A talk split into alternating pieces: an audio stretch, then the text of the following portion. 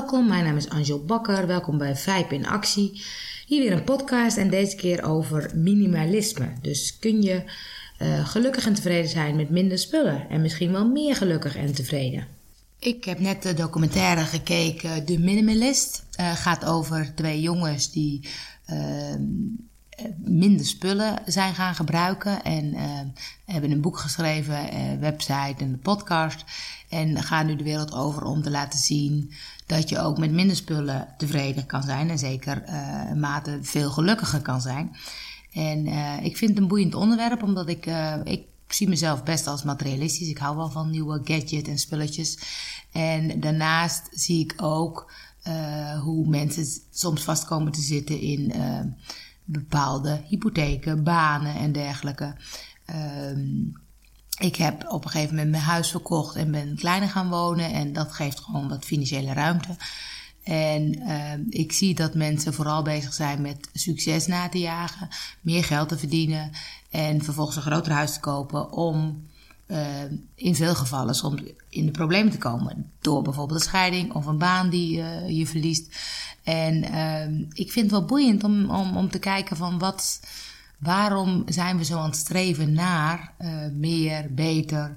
Uh, dat is ook waar ik met Nooit meer op dieet altijd mee bezig ben geweest. Mensen willen slanker en als ze afvallen is het eigenlijk nog niet genoeg. En het is gewoon nooit genoeg. En dat is ook hetgene wat in uh, de documentaire heel erg naar voren kwam. Is dat het kopen van spullen geeft ons een bepaald gevoel. En wij, um, wij hopen dan dat het ons gelukkig maakt, dat het ons bevredigt, een fijn gevoel geeft. En vaak is dat tijdelijk zo, maar het is altijd tijdelijk. En je ziet al, als je een nieuwe uh, mobiel hebt gekocht, dan is dat de eerste dagen echt geweldig. Maar na een dag of drie ben je eraan gewend. En als de nieuwe versie uitkomt, ben je eigenlijk alweer ontevreden, want wil je ook de nieuwe versie.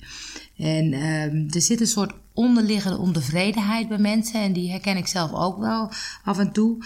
Uh, en eigenlijk willen we meer betekenis. Dus we willen gewoon een leukere baan, een leukere relatie, leukere spullen, leukere uh, uh, contacten. Misschien meer bereiken in de sport. Of weet je, we willen, we willen een soort betekenis in ons leven. En de makkelijkste manier is soms spullen. Want als je iets koopt, is dat een beetje een instant bevrediging. Dat gaat heel snel.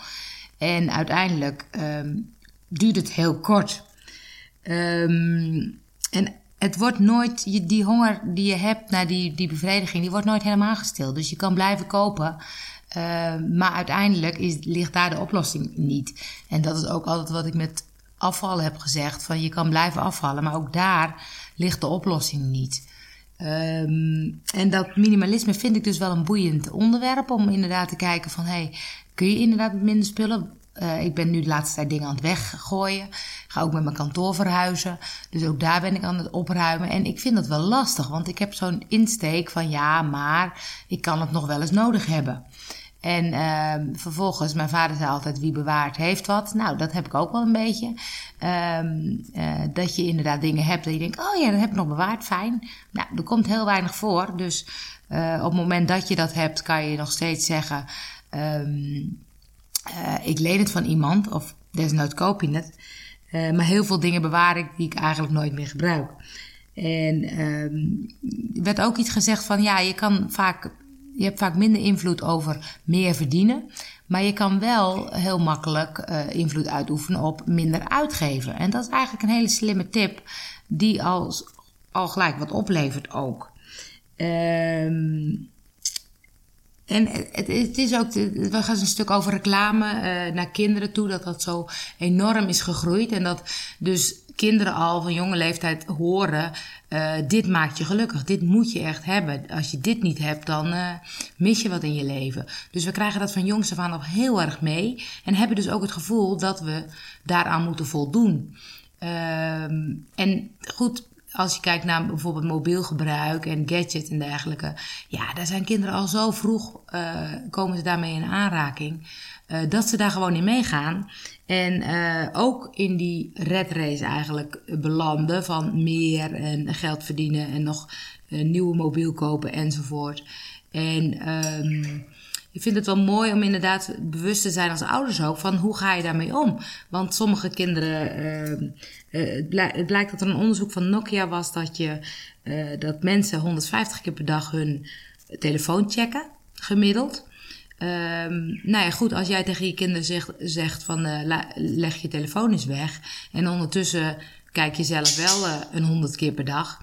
Dan uh, is dat natuurlijk geen goed voorbeeld. Dus het gaat ook over dat je een goed voorbeeld bent voor je eigen kinderen. Dat je laat zien dat ehm, het mobiele gebruik prima is, maar met mate. En hij eindigde met een mooie, mooie zin. Die, die jongen die, van de minimalist, Joshua, Joshua geloof ik, uh, houdt van mensen en gebruiksspullen. Want het tegenovergestelde, het omgekeerde, werkt nooit. Nou, volgens mij is dat een hele mooie, mooie stelling die ik absoluut ga onthouden.